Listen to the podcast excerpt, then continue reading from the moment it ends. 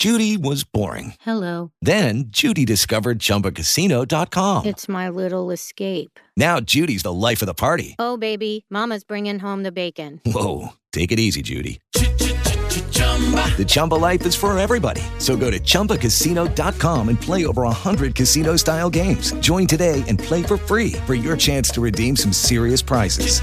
chumba ChumbaCasino.com. No purchase necessary. Void where prohibited by law. 18 plus terms and conditions apply. See website for details.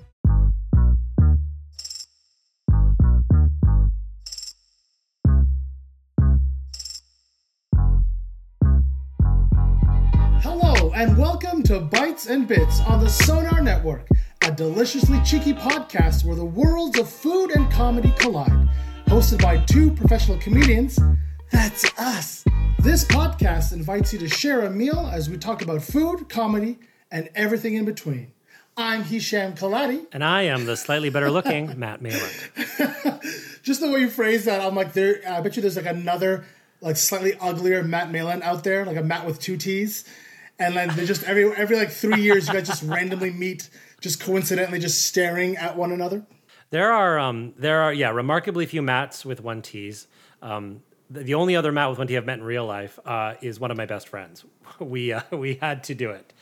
We um, we met in university. Um, we looked at each other. We'd heard about each other. We saw each other down the hallway. We approached each other slowly, and without saying a word, we hugged. I never met him before, and we hugged. And then he whispered, "This is what it sounds like when doves cry." Uh, you he better he better be your lifelong uh, uh, partner. That that is incredible. That is a friendship origin story if I've ever heard one. Deep, deep into bromance. Shout out Matt Glessing. Yeah, he uh, he knows. He knows. He's a great guy. And I gotta ask: is the is the Matt with one T like an arbitrary thing? Was this is this an active decision? Is this an actual legitimate spelling of your name? Well, I think in Europe sometimes they drop the T, is kind of what my dad told me. But I feel like, because my dad was the one that wrote the name on my birth certificate, but I think that he was just drunk, maybe. Like that feels more likely to me that, you know, when I saw that episode of Mad Men when Don Draper was just like chugging whiskey in like the waiting room and like smoking cigarettes, I was like, this feels like, this feels like something that happened in my father's past. You know, like it felt like he was just like, yeah. He drank enough to start seeing twos, and he put one T. He's like, "That's enough," and then just continued on. I believe it. I believe Uh, my my dad is not a drunk, um, but I feel like that would have been that would have been a moment. That would have been a moment of celebration when he might have had a couple beers before he wrote down my name. This is my theory. I am definitely um, going to hear from him when this podcast comes out. There will be some uh, hate mail. It might be our first hate mail, Hisham. Oh, you know what? I'm going to be surprised because it's it'll be for you, not for me. Uh, the scandalous things I've said on this podcast, and apparently that's the line that cannot be drawn. Um, so, uh, for those of our viewers who can't tell, uh, Matt currently is wearing a Chicago Bears jersey. Um, he is a massive Bears fan, and I it's it's absolutely adorable. This is the first time I've ever seen you in sports regalia. That's funny. I mean, I've seen you in only basketball regalia. Uh, you're wearing a, a, a Raptors championship hat. Uh, a Lakers one, thank you. Excuse Oh, me. Oh, it's Lakers. Oh, sorry. Oh, yeah. I thought I thought I thought you liked a good team. That's that's that's. What Yeah, I do. That's why I'm wearing a Lakers championship hat. Thank you. Booyah! Oh, I'm yeah. not usually this quick. I'm very happy and proud of myself. Please keep that in the podcast, Ryan. Thank you so much. Yeah, I'm a, I'm a huge sports guy. Actually, I love pretty much all sports. Um, so this is a great time of year for sports. Though we were just talking about it. Uh, this is we're recording this in um, early October. So um, a lot of sports are happening. Uh, is just wrapping up. Very exciting time. Hockey, basketball about to start. NFL is back. Uh, CFL is approaching the playoffs. Honestly, I think it's my favorite time of sports in North America. Now, are you a specifically like a North American exclusive sports kind of guy, or like are you into like billiards or ping pong? Because you your beard says you might be. Yeah, you're like, he probably is really good at darts. And you're right if you suspected that. I am good at darts. But um, I'm not really exclusively North American just because I love soccer. Soccer is a huge sport Oh, for me. nice, it was I played it growing up. It's my first. I think the World Cup of soccer is like the best sporting event that happens. Mm-hmm. I think only it's bigger than the years. Olympics. Straight up, I think it's uh, legitimately a bigger event than the Olympics.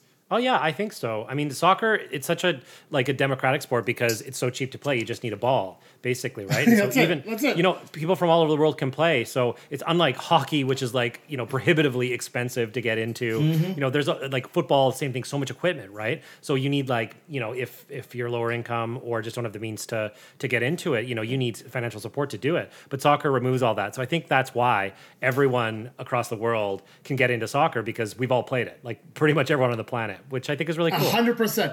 Even by accident, you just start literally just tapping a, like a piece of rock or trash in between your legs while you're walking on the sidewalk. You're working on your dribbling skills. That's all it is. Boom, soccer. Yeah, that's it. Cleaning up the Now subway. here's now, now here's the question. Um, you are like top shelf, like premier white. So I think I already know the answer to this question. but like, do you play golf? I do not, and I think golf is dumb. Wow. Yeah, not only You do I think golf is dumb? well, I, I think golf is super, super elite, right? Talk about prohibitively mm. expensive. We take these beautiful like parks that are well located, you know, easy to get to, and then they become these private courses that only like a handful of elite, usually white dudes, are playing, right? It's it's it's like the opposite soccer, so undemocratic. I mm. play disc golf because oh disc Oh, golf God. is an everyman's sport. Oh my god. Oh my god. Oh my god. That is that is the single most offensive thing that you've ever said to me in on in and or off the podcast. I can you actually play like you play ultimate frisbee? No, God, no. Ultimate frisbee, no, not at all. Disc golf, Isn't- Hisham. It's a very Is it- different sport. It's you're chucking a frisbee across trying to get to a specific point. It, it doesn't matter what like You're you're throwing a disc. They're very different, and you have to get the discs into the baskets. Ultimate, you're just like it's a bunch of like bros thrown to other frat bros, like playing on a field, probably wearing neon colors with headbands. no, disc golf is dudes in their 30s. They're probably a little overweight. And they have a backpack full of different types of frisbees that they throw to very specific points. I, I, I'm honestly ashamed that you're confused about those two sports. I got to bring you up. It I'm just gonna seems like discs. ultimate frisbee with extra steps. That's all it sounds to me. There's no discerning. You're chucking a disc, okay?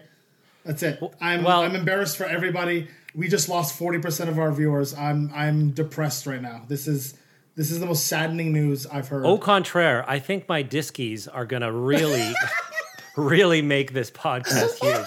I think now that we've tapped in the disc golf community, I'm gonna hashtag it. You know, bites and bits. Hashtag disc golf. Hashtag uh, small discs for life. Hashtag better than Oh ultimate. God. Yeah, it's it's out there now. Well, Hisham, before this podcast falls apart any further, I think we should um, invite our uh, our guest onto the to the airwaves. You wanna you wanna take it away, my friend? I very much do. Um, this week we are joined by a very, very special guest. I have said that numerous times on this podcast, claiming that every time I've said it, it is a genuine assessment that just completely negates the one before. But this is the actual one that's true. He is a stand up comedian and comedy writer. You can hear him regularly on Sirius XM and CBC Radio. He's performed live at the Halifax and Winnipeg Comedy Festival, JFL 42, and was part of the inaugural New Faces Canada in Just for Laughs in 2019. He writes for CBC Comedy, The Beaverton. This hour has 22 minutes, and the critically acclaimed Kim's Convenience. His only allergy is to penicillin, and he won't eat liver. Ladies and gentlemen, and everything in between, get absolutely wild for your guest, Leonard Chan. Hi. Yeah. And at this point, we have sound effects of a roaring uh, uh, crowd, like 50, Nice. 60,000 people just chanting, Chan, Chan, Chan, Chan. So the the, the sort of uh, sound from a crowd that you would never hear at a disc golf tournament. Okay, please, Leonard, are you on my side? Are you are you a disc man or an anti-disc man? Man, okay, see, to me, like disc people are no different than flat earthers. Whoa. Yes! Okay. Yes! Wow. Yes! My This- brother from another mother, Leonard And, uh, I, I like the balls. Yeah, I thank mean, you, that's uh, the soundbite you can take. By the way, just me going, I like the balls. Uh, and unfortunately, this is actually the shortest episode of Bites and Bits. Uh, thank you so much for being here. Okay, I will say this, Matt. I will say this. Like during the pandemic, I was watching, um, I was watching clips of like disc golf highlights, and I will say, when they make like those insane shots, it's like, all right, all right. You, Yeah, you get like, into it on. TikTok. TikTok Yeah. disc golf TikTok is huge. All It's right. huge. You know the thing, uh, not disc golf, but the thing I actually really got into uh, watching clips of was um, uh, a, a cornhole. yeah. I got like I got so into cornhole, and I was like, I can't believe this is a sport. I remember I I, I turned it on, and I was just like, what is this? And they're like, this is the champ. This is the qualifier for the national championship of cornhole, and it was like. And it was in a bowling alley, and I was like, "Hold on! Like your qualifier for a national championship is in a bowling alley, and it's not bowling. Like, what sport is this? Like, it's the only sport where you can have father-son teams, You know, I you know enthusiastically disc golf, and I can't believe this. Like, that's, Yeah. that's this is that's too much. Um, Yeah. Leonard, thank you so much for joining us here on um, Bites and me. Bits. And so, as you probably are aware, because we uh, delivered food to your house, we're Mm-hmm. going to eat together. That's how we start off every single episode. And uh, as you were saying right before we started recording, you are starving. This is both your breakfast and lunch. And uh, you know we're coming up on four o'clock here, so we better feed this guy. Yeah, my my cat is literally staring at the food, going like, "If you don't eat this, I'm gonna eat this." All right, so we're gonna we're gonna get into it here. Um, I'm gonna explain what I ordered. In the meantime, uh, you both can take some bites, and then we're gonna talk about it and get into our first segment, which is called First Bites.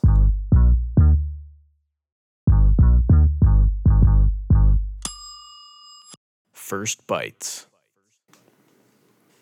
All right, so what I've ordered for us today, I decided to go down um, one of my favorite restaurant paths and order from some Jewish delis. We're having Montreal smoked meat, incredible seasoned beef brisket, and then everyone's got some slightly different sides. I think everyone has coleslaw. Probably everyone has uh, a pickle or two.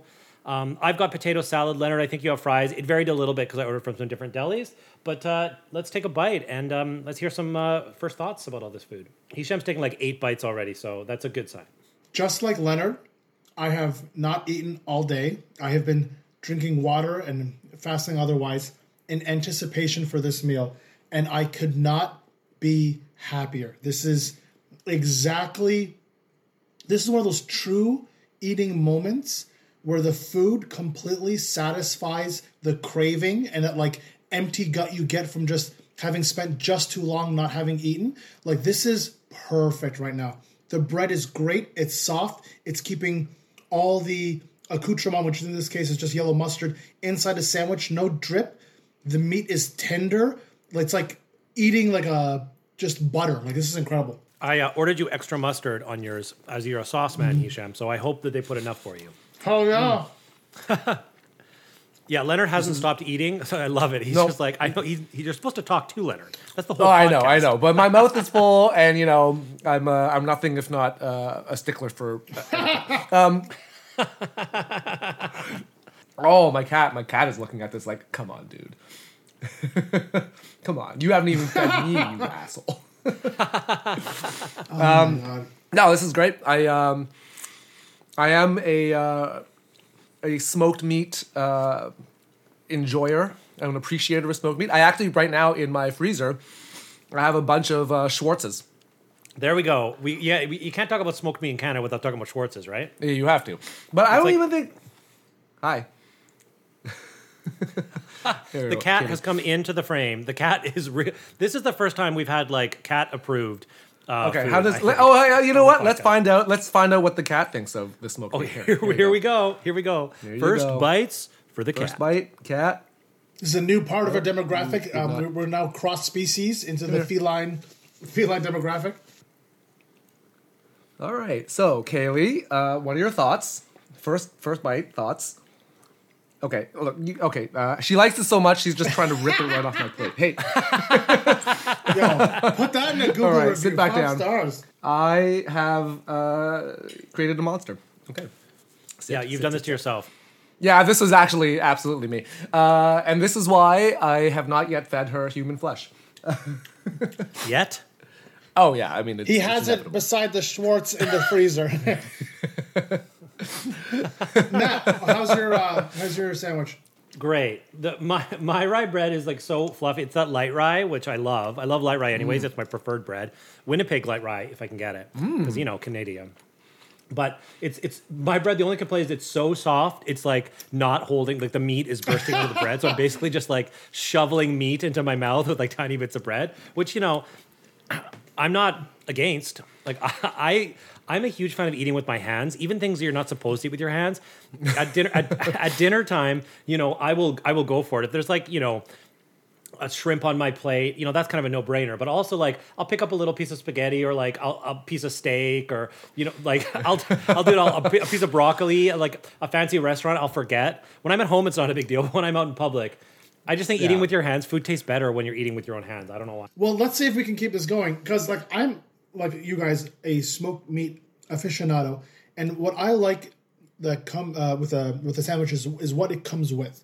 Now, you were mentioning before, like um, uh, potato salad, um, or what, and then like I got a coleslaw, and I'm usually a fan, but I should have specified. I love mayo based coleslaws. And I despise vinegar based uh, coleslaws. Oh, no. I think they are the Oh, no. inferior version of coleslaws, and I will I will die on that hill. So what do you wait? Hold on. What is your thought on like KFC coleslaw? Like the like fluorescent green radioactive. Yeah, I coleslaw. have done my body like a disservice the 30 plus years I have been on this planet just eating absolute trash. But the one line I will not cross is eating KFC again. Uh, I don't know what is in that coleslaw, and uh, I think they use it as some kind of in a cement mixing uh, procedure where they're, when they're making that sludge in the for concrete uh, for building like bridges and stadiums. But like, no, no, I would never eat that. I want a proper like macaroni salad, a potato salad, like a like a like a coleslaw with like a like, like lots of mayo. Like that's the integral binding substance.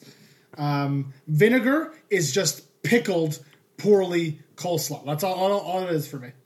And I, I'm sorry, Matt. Yeah. You know what these fries could use? Say that again. These fries could use mayo. These fries yes, could use mayo. I agree. mayo. I wholeheartedly agree. I'll get behind Yeah. that. Yeah, Yeah, like a nice garlic aioli would be. Oh yeah, yeah, right that's it. now. That garlic aioli, that's the perfect version for fries, I think. yeah. The creaminess of the mayo, that little garlic hit. Um, so uh, I loved, I love, a, I love a good deli. Uh, Toronto has a great Jewish food scene. Um, I didn't know that when I moved here, but it certainly does. There's tons of great places to eat, which is awesome. And uh, recently, I found out a lot more about the uh, the Jewish food scene in Toronto because uh, for a friend's birthday, um, I cooked a um, uh, a Seinfeld themed dinner. so we did a, a Seinfeld themed dinner. Uh, it was for Adam Colley. You guys, Oh, I yeah, think, both yeah. know him. Very very funny actor, comedian, perfect hair. You guys, know, Yeah. yeah. It's a wig. And- It's a wig. Breaking news on Bites and Bits. it's So- a wig. So what's in a Seinfeld dinner? You, soup? Okay, so yeah, I want you guys to guess. I, I have the dishes here, so I'm hoping you guys can Oh. take some guesses and see if you can figure out some of the food that I Right. made for uh, Adam and his All lovely right. uh, fiance. Uh, a babka? Uh, yes, yes, I did buy a chocolate Okay. babka, which you have to order at least 24 hours in advance. I found out. So Wait, what Yeah, do you mean? chocolate why? babka, okay. Is it is it a specialty dessert? It's a, it takes 24 hours to make. It takes almost a full day to make. It's an incredibly complex dessert and very delicious. Really? Yeah, I had to order that 24 hours in advance. I didn't even try to attempt making it because I'm like, I am going to mess this up. This is like, you need to have like 30 years of grandmother DNA in you at least before you attempt to make a chocolate babka. Okay, you're one for one, Leonard. What else? What do you think? Okay. Um. I mean, but okay. But now let me ask you this: Is just any food that's appeared on Seinfeld, or this is specifically like Jewish food that appeared on Seinfeld? Well, there. I mean, it's pretty close to all Jewish food, but um, this is a- I mean, any food. I mean, Kenny Rogers Roasters is not Jewish food. correct. I did not do that. It's true. So it's not. It's not specifically Jewish. Food, Okay, because but that it's- there's other because when I think Seinfeld, that's like one of the top three foods from Seinfeld that comes up, It's specifically because they have an entire episode dedicated to it. So I'm disappointed there wasn't any roast chicken. Matt, Yeah. Um, a chocolate eclair that's pulled out of the garbage. I thought about it, but then I thought that was too gross. Yeah. But classic George. Um, did you make a big salad? I did make a big salad. ding ding ding ding ding ding. Nice. It was Um, huge. It was huge. They couldn't finish it. That was the point. Respect. what kind of salad, if you don't mind me asking? Because they never specify it in the episode. I think. What kind of did you make? No, they don't. Well, it happens a couple times, but it's just just a toss salad. Just like a lot of different, a lot of different Mm. Were there ingredients. any, you know, uh, iceberg iceberg lettuce. scrambled you know eggs how I there feel about with iceberg the lettuce, salad? Isha. Oh, there was no scrambled eggs, but that would be good. Yeah, there's no scrambled eggs. There's a couple other things. There's um one more. there's two more sort of main things, and then there's one dessert Okay. that you guys. One missing. very specific Okay. dessert. Uh, marble, marble, marble rye. Did you make a marble I rye? made pastrami on marble rye. Yeah, I did. Okay. Leonard, you're Um, three for four. Was dessert coffee cake? Oh, it was not coffee cake. I mean, we had the babka, so it's. Junior, junior mint. Did you add junior That- mints? that Hey, would've stop been eating my food. I thought about junior mints. All right. Uh, junior mints did not make it, but you're really close, Leonard, with the junior mints. It's in the same realm. Um, I'll give you a hint. It's something you had to eat with a knife or fork. A knife and fork. oh, oh, oh, uh, the the chocolate bar. Wait. Um, E- yeah. extra points if you know Snickers, it's the bread. Snickers, the Extra Snickers. points if oh Snickers, yeah. Yeah, you got it. All right, and there's Yeah. only one other thing from maybe the most iconic Seinfeld episode of all time involving food. There's uh, there's a character that uh, that everybody knows, and uh, Well, I mean the soup Nazi. yeah, so Yeah. So you made soup. Did you make um? uh, what was the soup? There was jambalaya. there was jambalaya in there. That Yeah, you got your you're encyclopedic about this stuff. It wasn't the jambalaya. I think Elaine, and it's the one that Elaine tries to order and then gets messed up for. I think uh, it was mulligatawny soup. Mulligatawny. Mulligatawny. Yeah, so that was it. So I made him a feast with those things. It was it was so fun, but I had to go deep into like the Jewish Nice. scene. Like we're talking like Bathurst and the 401. we're going north. You know, we're, Mm. Yeah, we're getting up into it. I had to go back. Yeah, you basically had to go to the reason why the Allen Expressway couldn't actually be useful. because because that entire neighborhood was like, no. You cannot go through us. There's too much good food here. you know, Yeah. City planners, go elsewhere. It's like we're no more. We're, we're we've had it with being relocated. We the live here now. um, the one thing I think missing from that menu, Matt, uh, that I'm a little disappointed you didn't do as a dessert was the black and white cookie. Uh, funnily enough, I did that for Mm. another year uh, for Adam uh, for his birthday. One other year, we did a black and white cookie. I used Martha Stewart has a great, great version of that cookie. I did make those myself. Black and whites are awesome. Nice. Well, in that case, So I have I have made that for him before. But uh, please make it for my birthday upcoming, please. you got it, buddy. For Hisham's birthday, you should just do a pure Pakistani menu. oh, that would be amazing. Just Babu Bhatt and the Dream Cafe. Just Just a a Pakistani bad menu. it's true. Oh man, I do love Pakistani food. So maybe we'll go there, buddy. Oh yeah. Or oh no, and then and then um and then and then bisque. You have to have bisque. Crab bisque, yes, yeah, yes. It's got a yada yada yada lobster bisque or crab bisque. I think crab bisque was on the menu at the um, Soup Nazi. at the soup Nazis. But lobster bisque is the thing that got yada And, yada you yada. know, Hisham, to make sure it's totally uh, totally on brand, I will not wash my hands after going to the washroom before I make it. Okay. And you know what my favorite thing is? Um, by this point, um, Seinfeld has now officially been dropped on Netflix, all nine seasons. I'm literally going to eat the second half of this smoked meat sandwich while watching Seinfeld episodes. It'll be a perfect loop. Well, I think that's a perfect time to take our first break here. Uh, Jerry, if you're listening, um, we'd love to have you on the podcast. All right, we'll, uh, we'll leave it at that. Uh, but don't go anywhere, everyone, because we're going to eat uh, more incredible deli food and chat more with Leonard Chan right after this.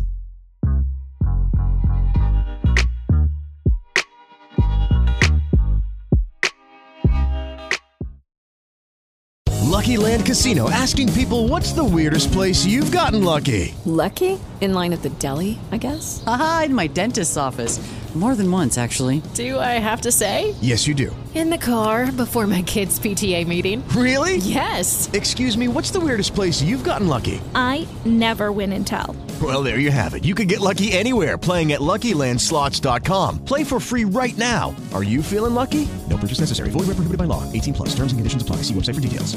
Hey guys, it is Ryan. I'm not sure if you know this about me, but I'm a bit of a fun fanatic when I can. I like to work, but I like fun too. It's a thing. And now the truth is out there. I can tell you about my favorite place to have fun Chumba Casino. They have hundreds of social casino style games to choose from, with new games released each week. You can play for free anytime, anywhere. And each day brings a new chance to collect daily bonuses. So join me in the fun. Sign up now at chumbacasino.com. No purchase necessary. Group. Void were prohibited by law. See terms and conditions. 18 18 plus.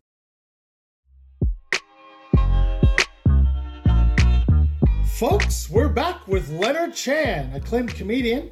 And if I'm seeing this correctly, uh, you're married to a major Hong Kong celebrity.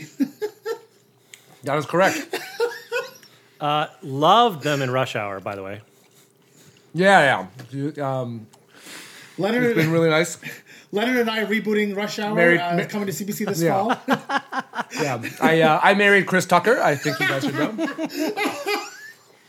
And um, you know, it's uh, marriage. Marriage has been difficult because I don't understand a word that is coming out of his mouth.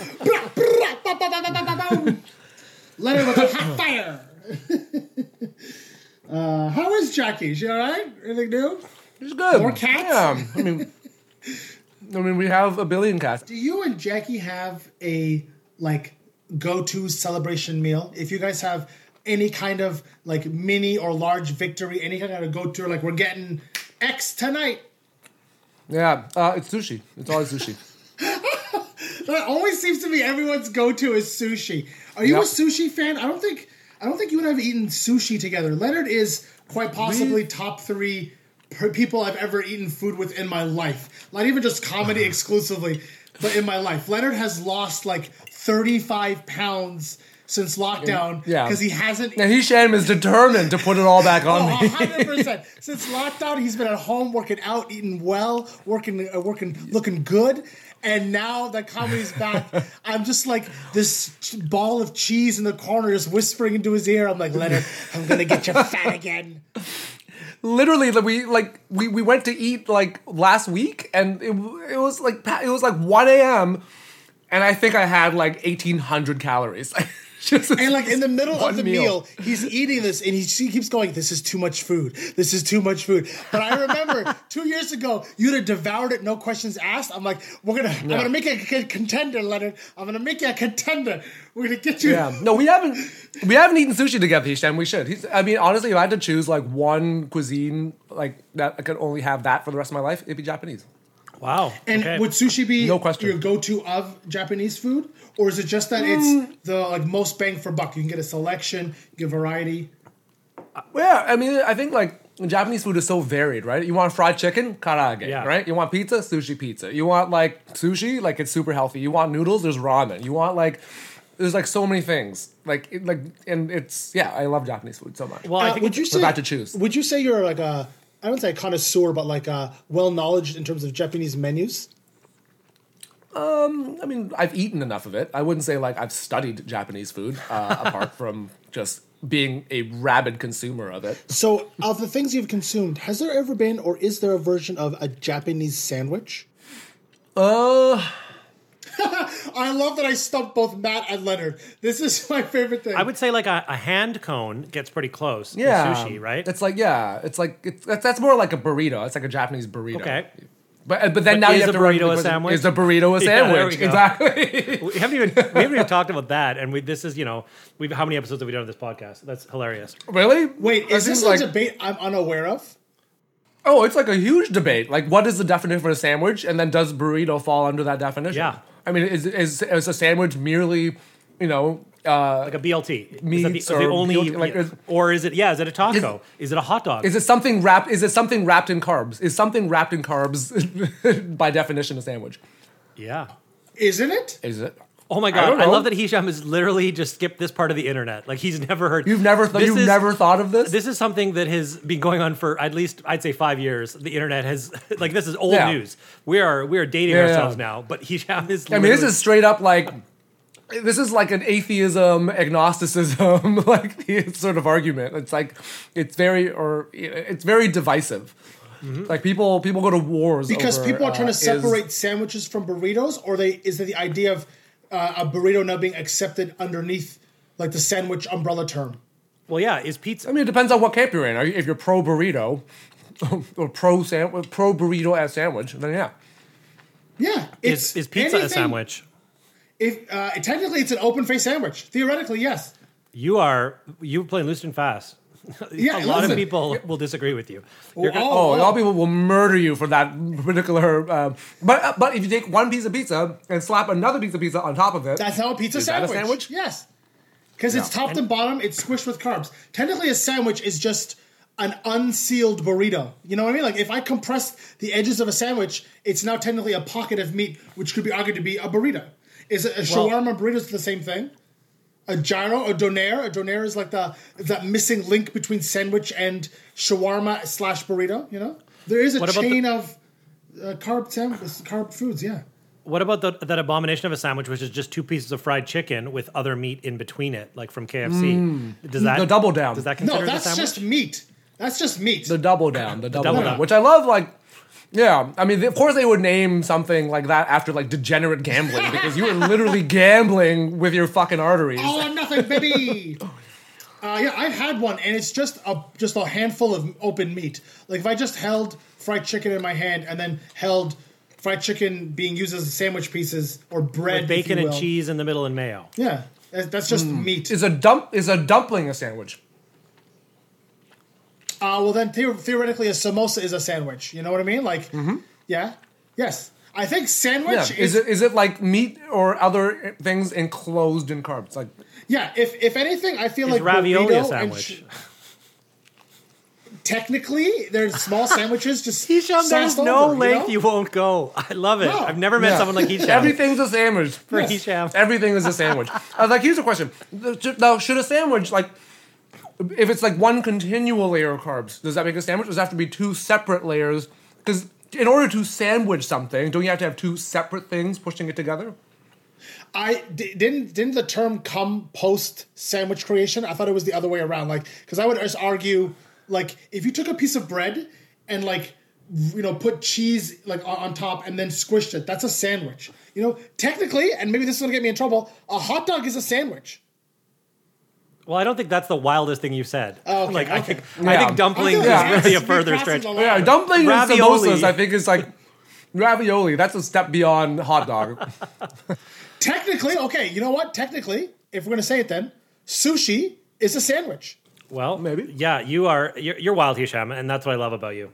Um, so today, Leonard, we're talking about traditions a little bit, and um, every uh, every episode of the podcast, we have a theme, and it's traditions this time. So I wanted to chat a little bit with you about pre-show traditions or rituals. You know.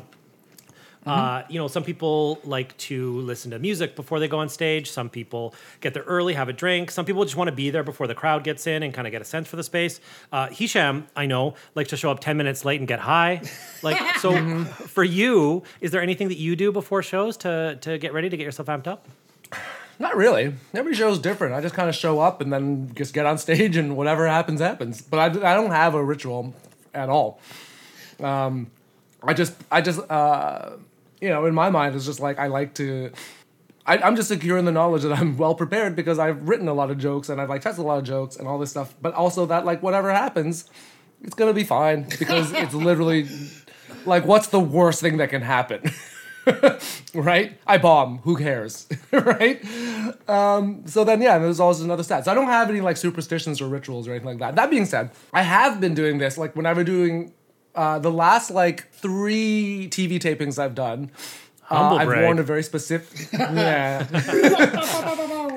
yeah, but I've worn a very specific pair of socks. Oh, Oh, I did Yeah. not know this. This is news to me too. Which ones? Yeah, uh, they're socks with Ronnie Chang's face on. them. oh, cool. I purchased from Ronnie Chang. Yeah. Who didn't you open for him? I did. I opened for Ronnie, and oh, by the way, he's like the nicest man on the face of the earth, and it's like so confusing. He's like the sort of nice where like, this is suspiciously nice. Yeah, yeah, yeah, But yeah, it's yeah. like he's just really nice, right? Um, like one of the things that happened, like for 22 minutes, uh, I was. I wrote this like sort of the an anti-Chinese government piece, but I wrote it for like Trent McClellan to say because I was like, I'm not gonna say this. Like, give it to the black guy, right? They're not gonna. like and and then, and then the uh, producers were like, "Oh, this is really funny. You should say this on air." And I was just like, "Yo, I have a family." Like, and they're like, "Ah, that's funny." I was like, "No, I'm, I'm not kidding. Like, I can't say this. I really can't say this." And they're like, "Really?" I was like, "Okay, let me think about it." Right. So I called my mom, who's like, who's like super pro China, and she was just like. She's cause on the, so it was really funny because on the one hand she's like very pro China, on the other hand she's like also pro my career. So she's just like, oh, I don't like you saying bad stuff about the government, but you should, but it'd be good for you to be on TV, right? And I was just like, ah, you know, and then um, And then I called Ronnie and I was just like, I'm sure you've thought about this being on the Daily Show. Like, how do you deal with like this anti, like, because obviously, like, this, you know, it's topical, but you, especially being even closer to like that part of the world than I am, what do you do? And then he was just very kind and he's just like, we talked about it for like a half hour. He's just like, listen, you're gonna take heat, blah, blah, blah, blah. And then he helped me rewrite the bit Nice. that I'd written so that it would be like, just like to find a different angle that'd be like more palatable and like to the Chinese government where like I'm not gonna get, you know, Blacklisted. friggin' whisked away. Uh, Black bagged into the middle of nowhere. Yes. Yeah, my mom was like, worst thing that can happen is like they don't let you into China. I was like, no, worst thing that happened is I go and then they don't let me leave. yeah. yeah, at least with the Michaels, we had leverage, right? Yeah. yeah. I mean, even though I love how they're like, they're like, oh no no, the Michaels never entered the negotiations uh, in the release of Wang Separate Wanzhou. And issues. I was like, I was like, don't tell the Michaels that. They're probably sitting there like, what do you mean we're not in the negotiations? This was just uh, it was literally a, a little extra. Like you can have this as well. Yeah, yeah, yeah. Oh, Yeah. uh, that that that was one of the funniest and saddest and scariest moments we've ever had in the podcast for me. Just just truth bombs about the Chinese government. Yeah, I've never. I don't think. In, I mean, I've I've said some things that were edgy in my comedy when I was younger, especially. But I never worried about what the Chinese government would do to me. So that's that's next level, man. Good for you. And and, you know, Yeah, it was, you know what? I had this show. I was producing this show. It's called Asian All Stars. Yeah, yeah. And um, so we're getting some press and whatever. And then I got a, a, a an email from somebody who was like, "Hey, uh, I'm like from press. Like, do you do you do press passes, right?" And I was like, "Yeah, yeah, yeah. Here you go. Here's a press pass. Like, come on out." And he was like, "Oh, and by the way, I work for so and so, and I can't remember the name of the organization, which I should." But anyways, I looked them up, and I was like, "Oh shit, this is the official like sanctioned news outlet of the Chinese Communist Party." I was like, oh no, I just invited the CCP to my show. and one of uh, the, the comics who was on the show, she was a former um, correspondent, like a journalist for for like one of those news, like one of those Chinese like sanctioned news organizations. And she was just like, yo, you, we can't say anything. Like you gotta be, like you can't say anything. Like, and I have jokes that like, mm, you know, a little risque. And then she was like, you can't say, th- I mean, you shouldn't say those jokes. and I was just like, man, I don't want to have to self censor. But at the same time, I was like, I do have family over there. So, you know, if it was just me, I don't care. Like, whatever. But like, I was like, I got to think about, wow, you know, what's going on. Hashtag Yeah. Asian comedian problems. Yeah, I know, right? No kidding. That is wild, man. That is wild. Yeah. Well, I feel like we should follow that up with a really dumb game. You know what I mean? Oh, Like- please. Like, like let's let's just go the opposite uh, from. Spot the Uyghur. Is that the game? No, it's not. it's a trick. Everyone's Chinese. No Uyghurs here. oh my god. Um, yeah. got a Hana to them. So uh, we um, we like to we like to mess with our guests a little bit here, and so we're gonna put you on the spot, Leonard. Um, you know, in the spirit of traditions, there is a lot of celebrities that have you know pre-show traditions or rituals or or Mm-hmm. w- you know weird and wonderful things in their riders. So we're gonna play a little game called What's in a Rider? Okay, so Hmm. uh, what I'm gonna do, Hisham actually doesn't uh, uh, know any of this. I put together this list with our incredible writer. Because Hisham doesn't read any of the contracts that he's given. He just skims to the end and signs them without any adjustments. The only time he reads our scripts is when he seems to like find the one thing that can roast me. He's like, I'm gonna make sure is like, here's the one thing that I pay attention to, the thing that's gonna embarrass Matt on the podcast. That's it. Other than that, it's like, yeah, okay. He just kind of has papers, like just shuffles through papers pretending to read. It's true. So Hisham doesn't know this either. Hisham can play along as well. Uh, The chick is I wrote this. I wrote this with our writer uh, Tony Hall. He's amazing. Uh, and uh, basically, I'm going to give you multiple choice, um, some riders of some famous celebrities, and you guys have to figure out which one is is the lie. Okay, which one is not correct. Uh, the rest of them are 100% true, uh, at least as far as uh, TMZ knows. Okay. yeah, so you know it's legit. It's TMZ. Yeah, yeah, yeah. yeah, yeah. TMZ. They they're very reputable. Okay, uh, so um, the first one here, uh, the first celebrity we're going to look at is Beyonce, Queen Bee. Mm-hmm. Okay, here are uh, items in Beyonce's rider. You gotta tell me which one does not actually exist. Uh, number one, heavily seasoned chicken legs. Don't forget the hot sauce. Number two, the room must be at 78 degrees Fahrenheit. Number three, no Coca Cola products. And number four, three white orchids. So again, heavily. So which is the fake one? Yeah, which is the fake one? We've got chicken legs, room at 78 degrees, no Coke, or no Coca Cola products. She didn't specify no cocaine. Uh, and for three white orchids. What do you guys think? Like I, here's the thing. I want to say the chicken one because it's like so racist. But she's from Houston and would want to eat. But you know what I mean? also, like right before a, s- you know a set, she wants to just Yeah, get some protein. and I believe the 78 degrees one because you want the temperature of the room to be what you want it to be for your voice to be correct. Um, you know, for when you go on stage. So I think that one is true. Um, so it's between three white orchids and no Coca Cola products. Um, Here's my thing, Len. I think she Yeah. is um, a, like um, what's her, uh, a Pepsi person. For some reason, I feel like she was in a Pepsi commercial. So my logic would go towards no Coca Cola products because she's was she in a Pepsi commercial? Wasn't she? I know one of the Kardashian, the Jenner, um, was in that. Speaking of racist, I was. Let's end police don't remember that with Pepsi. yeah, we'll solve it with Pepsi. Oh, Because like three white orchids seems like a Mariah Carey thing. You know what I mean? Like like I, I feel like Beyonce's a little not that much of a diva to need like like like Hmm. orchids in the back. I don't know. I'm gonna go with I'm number gonna go three. with the- no Coca Cola products. Yeah, I'm gonna go with Coca Cola products. So you think that's the fake one? Yeah. That's incorrect. It's the orchids. It's the orchids. Damn it! Fuck. I also I also love that Leonard. You're like well, that one seems really racist. So like implying that I wrote that one. I was like I, No, no, I, no, ca- no, I no. came up with that one. Not like it's pretty that racist. your so suggestion. so Matt probably wrote that. Yeah yeah yeah yeah yeah. Okay. I see. Look, I just see a bearded white man. I make assumptions. Fair. Listen, uh, you don't know what's hiding under here. it's really the it's really the disc golf thing. That, right? right? what um I love that legit she's like they need to be heavily seasoned chicken legs and they have to have hot sauce. I love that like that's not you know that wasn't a throwaway line. You know what I mean? Like Yeah. like that she is about it. I love that so yeah, it's not much. racist. It just seems stereotypical. Sure, right? For sure, like- but y- yeah, hundred percent. Okay, uh, the second one, Eminem, Eminem. Speaking of questionable white guys, right? All right, here we go. okay, uh, the first one: six Lunchables, three turkeys, and three hams.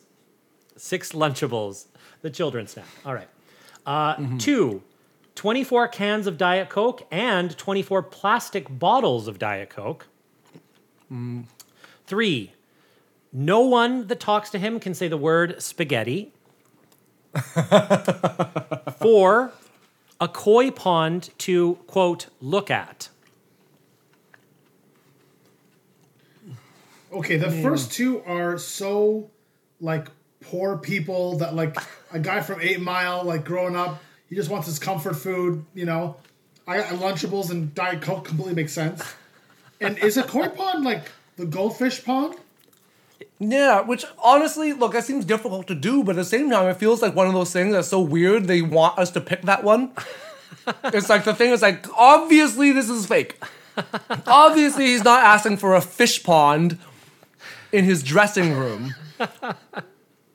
but at the same time, it's like, you know, I feel like they're trying to get us to zig and we should be zagging. So I think it's one of the first two.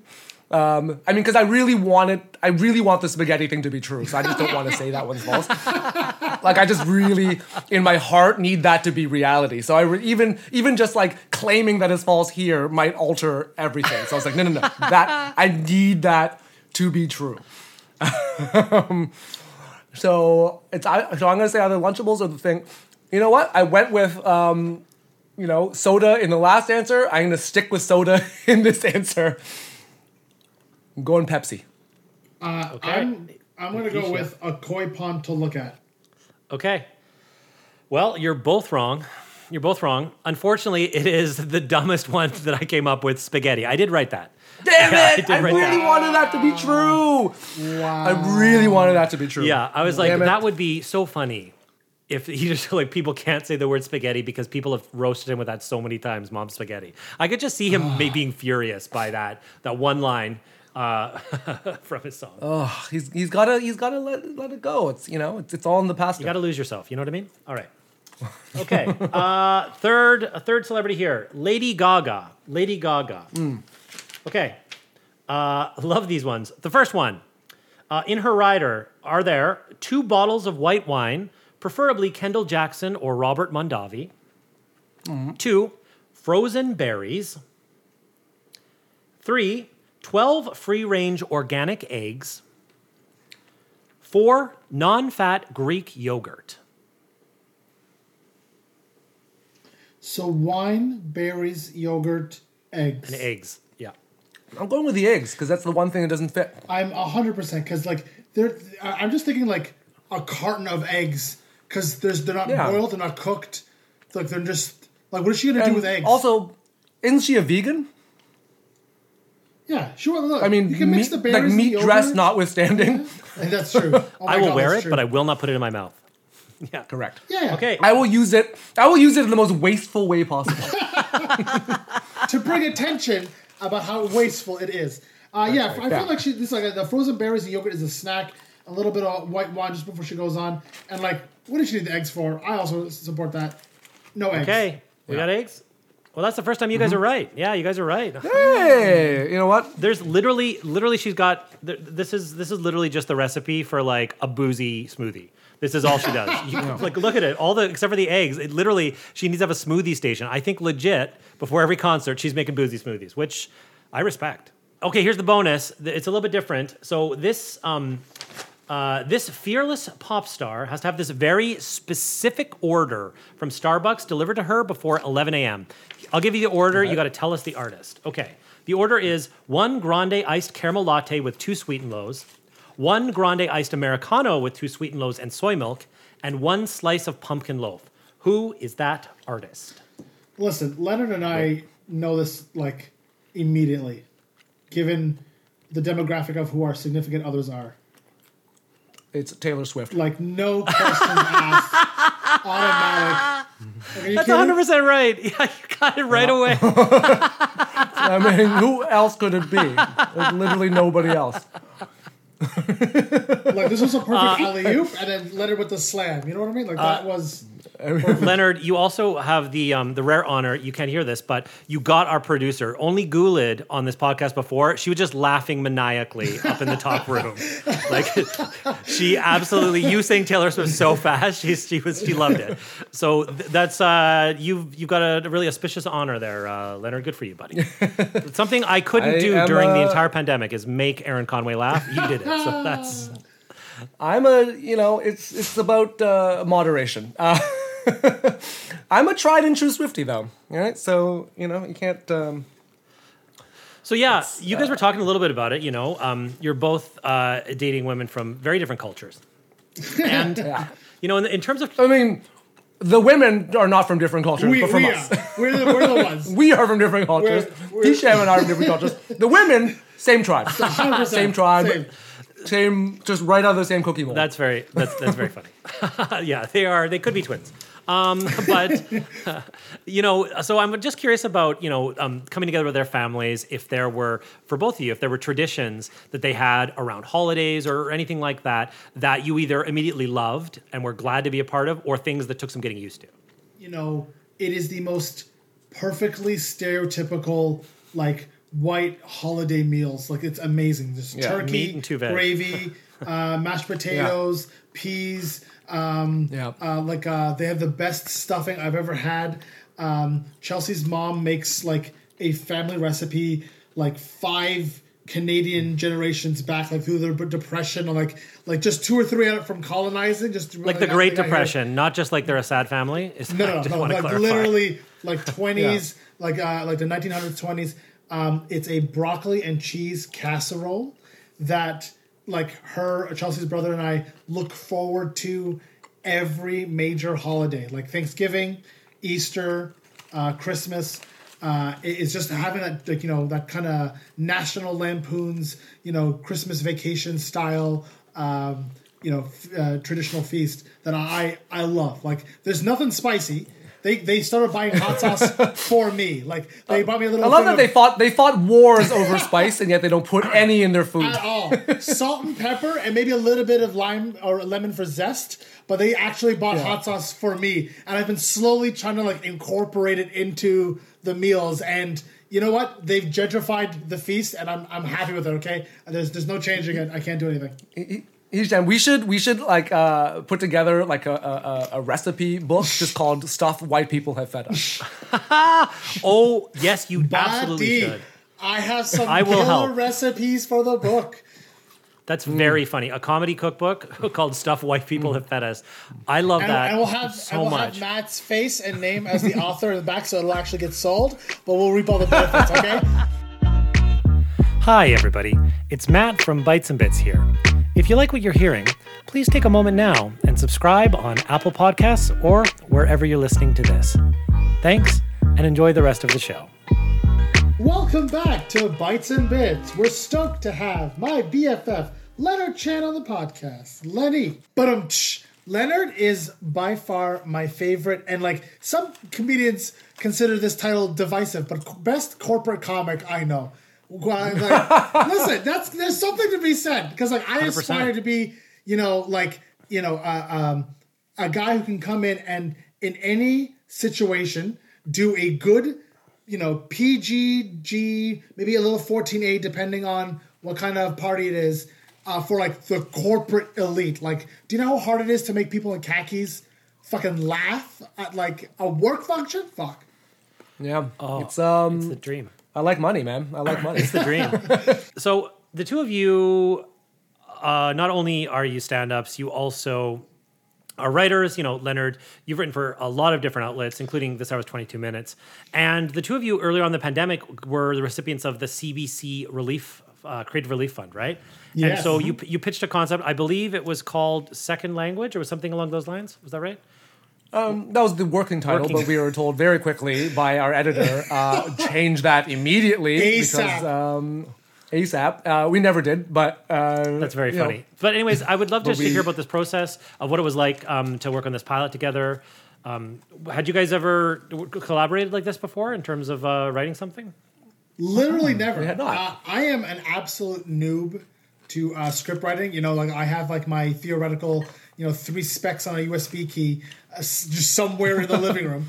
Uh, but Leonard's like actually done rooms. Uh, uh, before that, I think he'd actually been a writer on Kim's Convenience, which I will bring back as uh, uh, I want to talk about that for sure. Uh, so like I came with a concept and I pitched it to Leonard, and Leonard, being the guy that he is, takes a gigantic turd and like polishes it into a pretty good idea. Uh, and then we just pitched it. I remember Len's like, yeah, I, I put again a little like two pager. I think it was the uh, maybe like a one pager just as a pitch sheet. Submitted it, and then like we didn't expect to hear anything. And then it's like in the middle of a workday. Yeah, you know what's actually really funny? So two things. First is um, so we didn't pitch it to this. There, so there was different tracks in the the CRF Creative Relief Fund, and we um, one of the tracks was like for scripted TV, right? But you needed to get a producer uh, to be on board and partner with you and whatever. And then so I asked like some of the producers I knew, and they're like, actually, like we already are partnered with a bunch of people for other scripts, and they're like, can't. So I was like, no worries. And then one of the tracks was uh, writing like a stage play and it was converting stage play to screen or something like that. But I literally thought we were writing a play, and the um, uh, the the requirements were like, oh, you have to have like a produced play credit, which I forgot I had one. so it was like it was literally like the day before like the deadline, and I was like. Man, that's too bad. This is a really good idea. Like, I've only had to play and I was like, "Oh shit, I have a play." Like, I forgot. So then I applied, and then um, like I wrote up their one pager the day before. Like we inve- like we had the premise, but like we had to like in, in like I had to invent characters. Like and and then we just had this one pager, submitted it, and then um, and then we never heard anything for like a long time. Like and then months oh, and- later. Yeah, and then here's another funny thing. I got an email from them rejecting me for something I didn't even apply to. And what had happened was That's the CBC screwed up, and then like they didn't even BCC this stuff. It's everybody who got rejected was Whoa. CC'd, like all their emails and stuff. So I was like, oh my god. I was like, well, oh you know what? I was like, this is great. I got rejected amongst, I mean, even though I didn't even apply, I got rejected amongst some very, very prominent names. this is very nice. It's an honor Game just is to be rejected. Game is the game. Yeah, but I didn't even. I was like, I didn't even apply to this. Like, this is, you know, this really makes me stronger. And so then, uh, and then what happened is uh, I heard that they were calling, like, literally calling people to apologize for that, right? So then I got a call from uh, the head of scripted at CBC at the time, who no longer works there, possibly related, who knows. and uh, and I was like, "Oh, here it comes. Here's the apology." And then she was like, "So we've selected your script." I was like, "What? okay." And uh, I was like so confused. And also, that's when she told me she was like, "Oh, and it's not like." I thought I was writing a play. She's like, no, no, no. It's like you're writing a half hour sitcom. I was like, oh, okay. Well, that. So can I change everything about the one pager we submitted? um, yeah. And then we had to go into it, and it was hard because like that's all we had. That's and we had like they gave us like two months to write this pilot, but we literally had nothing but that one pager, and like none of the characters were set, none of the backstories were set. Like we there was like we had like at least five months of groundwork to go through before we could, should even be writing a pilot, and then we had to write this freaking pilot. Um, it it was stressful. Yes.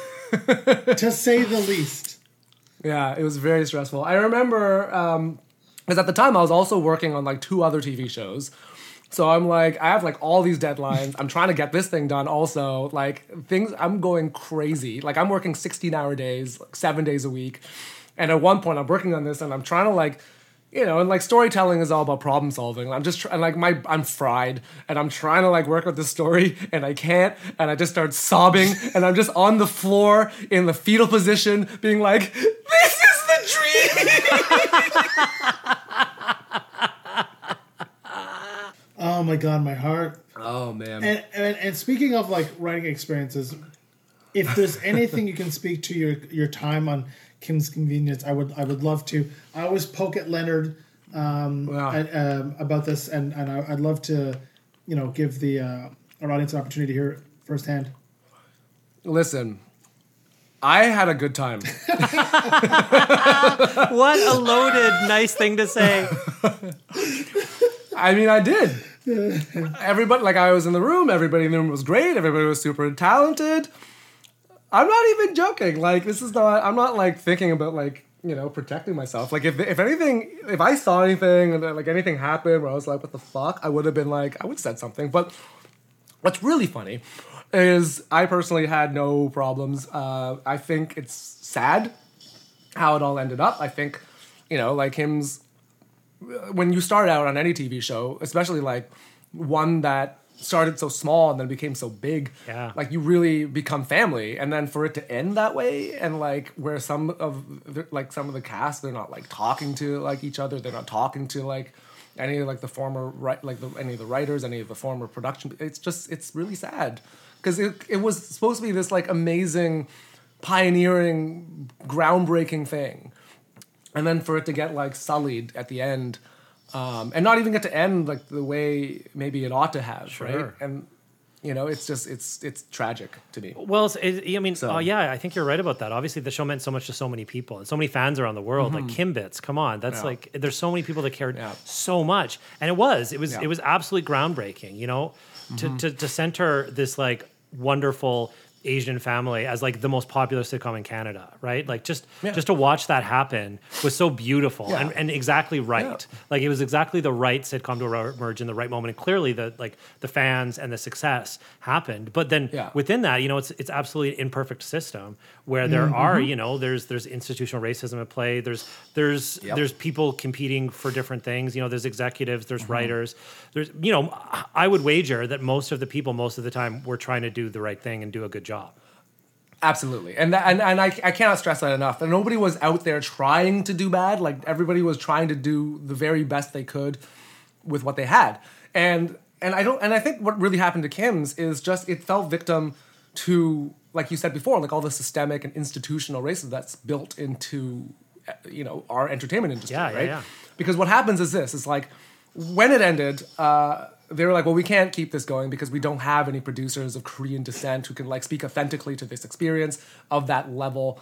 Which right right there, it's like, why don't right? So, Yeah, yeah, bec- and and the, the reason, of course, is because like you know. Um, traditionally like most of the people who got work like were white writers and then they just keep getting more work because when you start a show you want the best writers and they're the best ones and the most experienced and then it just it's cyc- and it just feeds itself it's a vicious cycle right so then what happened with kim's is that because m- most of the writers in that room were uh, not of korean descent they were not of that culture um, through no fault of theirs like that's how they were born. Um, but as a result of that, what ended up happening, I think, is a lot of stories that they were telling were stories told f- sort of from that perspective because that's the only perspective they know, but with Asian faces. Mm. So it kind of missed out on the soul of some of like of Asian just of being an Asian culture, like stuff you just could not possibly know because it's not lived experience. Mm. And I think that was the primary downfall of Kim's for me. Like where eventually just became oh white stories with Asian faces, and like certain things would happen where I'm like, well, an Asian would never do that. Like it's a, it's a funny story, but like it's not like that would never happen. Interesting. So, yeah. So it's really stuff like that. And that's why I think it's super important. Like, I mean, with Hisham and I, like our show, we had a lot of like very specific ethnicities of these characters. And, you know, the goal was always like, if it got made, and if for whatever reason, like say we had we had a Brazilian character, but if that Brazilian character got cast as a like a Mexican person was playing that, or a Colombian person, I was like, we have to rewrite that character. Like we have to rewrite it for whatever ethnicity it is because we cannot possibly tell these stories. We don't have that experience, and I think these days it's so much more important to have that authenticity for for inclusion and representation because representation is crazy important. Yeah. Like you just need like you just need to be able to see yourself on screen just to know that you're you belong. You know, like I always, I have this joke where I'm just like, listen, like it's great that we have Shang-Chi and we have Crazy Rich Asians and whatever, but like, you know, and Hollywood's finally letting Asians play Asians. That's great. but like Uh, yeah. but like we won't truly like Asians will not truly have made it until we're on the front page of Pornhub.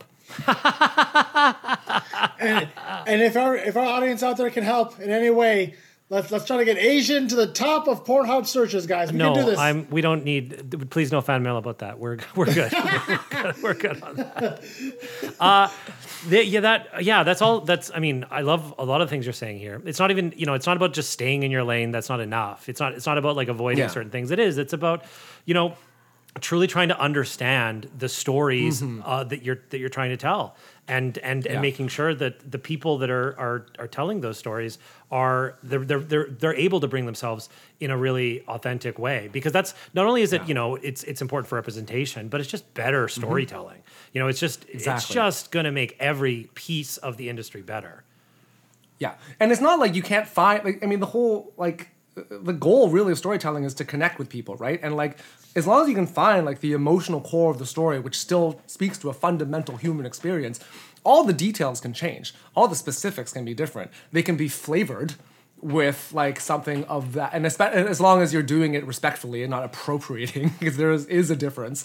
Um, like you have to truly understand why a culture is the way it is and why like like for example like when people like wear indian headdresses you know for halloween costumes. It's like listen like you don't understand. Like the indian headdress is an honor. Like you have to earn it and it's insane that like you're just using it as a prop.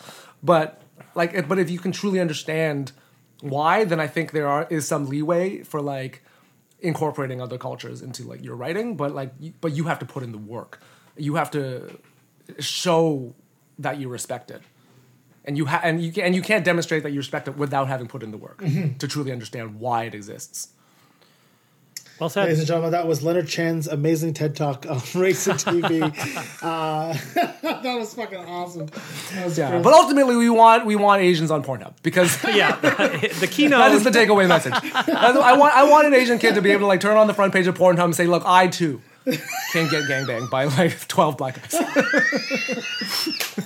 the dream. Isn't that the dream for everybody? it's the dream. So I want to touch And- on It's the uh, dream. one more thing here with you. Um, obviously, you're a writer on 22 Minutes, and you, you've become a correspondent there too. I've, you know, it, which has been great to see that growth. And you know, growing up for me, you know, t- 22 Minutes, Air Farce, uh, Rick Mercer, all these types of shows, they felt really like sort of important to the, the like in terms of Canadian comedy. And you know, it feels like to me there we might be at a bit of like um, a turning point. You know, obviously Air Farce isn't there anymore. Rick Mercer's off the air, Yeah. and I'm wondering, you Yeah. know, being on the inside of that room, do you think that those types of shows, those those Canadian satires, those news-based satires, are going to continue to evolve and represent like Canadian comedy, or do you think that you know we might be at a place where that that formula is being played out and we're looking for something different uh, as a country? Um, It's a bit of both. I mean, I hope it's not the latter because I like employment. um, but I, I will say this: uh, the culture is definitely changing Yeah. in that room. I think they they are shifting because they understand that the the culture around them that they're trying to comment on is also shifting. So. Uh, and and and that's been reflected just in the people they've been hiring. Like our writers' room is extremely diverse. Uh, our on-air cast is extremely diverse, and um, you know, and I think it's become much more of a reflection of Canada as a whole, as opposed to just a show that was appealing primarily to like you know septuagenarian East Coasters. You know? um, which still somewhat is because like at the end of the day like you know we know who pays the bills but but we're trying right and i think uh, you know the new uh, showrunner who's been there for a couple of years mike allison i think he's he's doing a great job like he's really really thinking about this stuff you know i mean? Like and and and all of us are collectively trying to get it right. And we're not going to get it right every single time but i think the point is that we're talking about it we're trying and we're you know, we're trying to become a part of the national conversation again in a way that um, is, you know, reflects what people actually are thinking, and hopefully, like, you know, with the stuff I get to say on air, with the stuff that like all the other correspondents get to say on air, like we each are individuals with our individual thoughts and opinions, and they haven't been um, like they've been pretty uh, liberal with letting us say that stuff. Like the the stuff that I've gotten to say on the air is just all stuff I've pitched. I wrote it, uh, like obviously with help from the writers' room, who, who are all fantastic, or other then, prominent Chinese know, comedians? Yeah. or other prominent Chinese comedians, correct? Malaysian comedians. Um, but yeah, it's been uh, it's been really good. It's I, and I hope hope it continues, and I hope like they continue to evolve and. And it's just really a matter of getting the word out because I think when people think about 22, because it's been an institution that's been around for so long, that especially young people, like if it's not viral, they have no clue what it is. And so I'm not even kidding. Like that's Yeah, where sure. things are consumed now. Like who, like most of the people who watch 22 minutes watch it live on television. Mm. Who does that? Yeah. Not the generation, not this generation, Not- not, the generation we're going after. So like we have to get better at writing stuff that goes viral. Obviously, it's hard because like we're limited to Canadian stuff for the most part. Like, um, but you know, like I Yeah, I Canadian know that viral is not of the stuff necessarily does make- viral in the sense that networks want it to be. You know, like Yeah, exactly. It's like everyone in Exactly. I wanna Halifax go- watched I want to go Asian Literally viral, everyone right? in Halifax saw it, and they're like, it didn't crack a million hits. You guys, what are you? What are you talking about? Yeah, Yeah. Yeah, no, I want to go Asian viral. There we go. Yeah, we're talking global. we're talking shut down the economy. Nice. Respect, respect, respect. Aim high. Aim high. That's how that's how viral it is.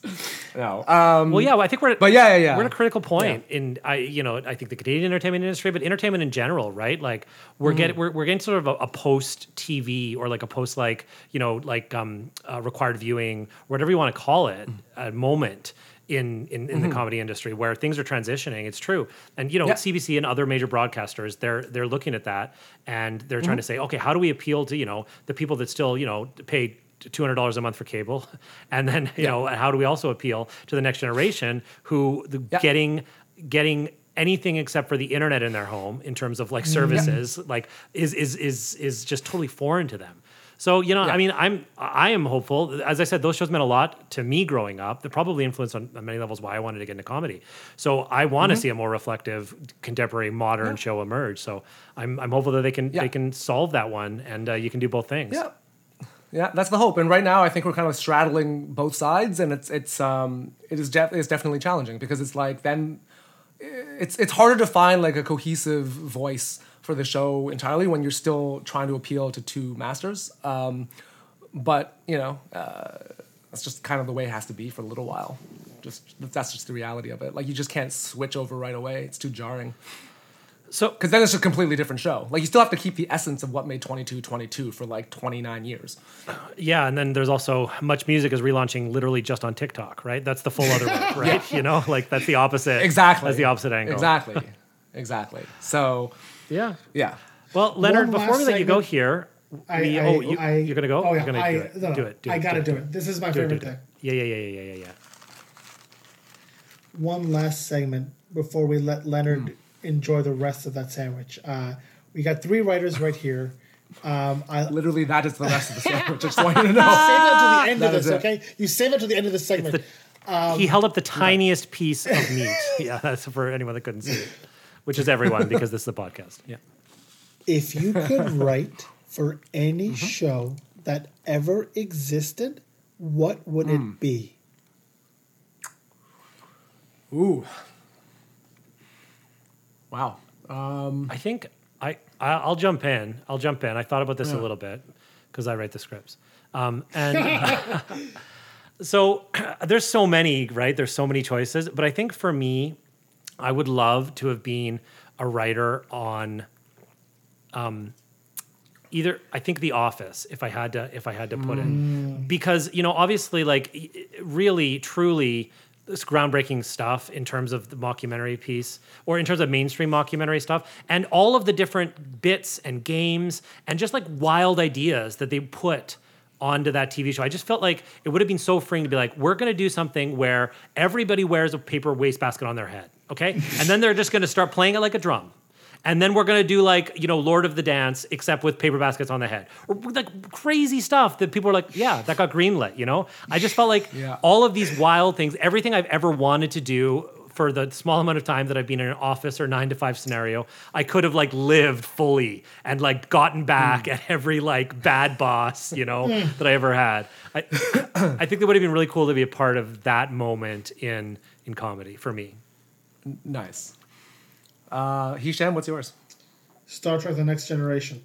I Yeah, we knew. obviously. We knew. Well, like, I mean, listen, knew any of the Star Treks, I'd happily. I'd fucking write for Discovery. I got an entire half season storyline Oh, fanfic. even Discovery. I got two wow. papers. I, I, I'm ready. Okay, uh, I'll, I'll take any All right. job anywhere. But yeah, uh, obviously, Star Trek: The Next Generation. I could literally pitch you si- seasons eight, nine, and ten right now. Uh, like I love that show more than anything. I mean, please don't. But yeah, yeah, yeah. we don't have time for that. For our, our shoot off, uh, our spin off uh, podcast, uh, Bites Yeah. and TNG episodes with Hisham. Just Hisham. Yeah. Uh, it's to no audience whatsoever. It's just me listening to this, my own podcast. Uh, but that'd be it. Um, Okay. Uh, okay. So I, now, now that I've stalled enough, uh, I think I have an answer. I, I, I, I think uh, honest answer is NCIS. Buffy the Vampire Slayer. Buffy the Vampire, Buffy. Oh, good answer. Buffy. Uh, it was just, it was funny. It was emotional. Mm. Like the storytelling was top notch. Um, Is that on Netflix? I, I'd, I'd rewatch Buffy. It might It's somewhere. It's on one of them. It was on It- Netflix. I oh, it that show for me. Leonard. It was like, yeah, that was a seminal show in my teenage years. Like I, I say it. I, I remember. Yeah. It taught me about like like it, yeah, it was funny. It taught me about like like like love, and it taught me about like doing the right thing and the complexity of choices. That that episode the- with with her and Angel for the first time. That was maybe the first time I cried watching television. It was. It's it's a great show. That's Yeah. a great choice, Leonard. Yeah. Better than Star The, Trek uh, for sure. Yeah, yeah. Yeah, one hundred percent. Uh, I mean, although I would like Star Trek TNG to attempt a musical episode.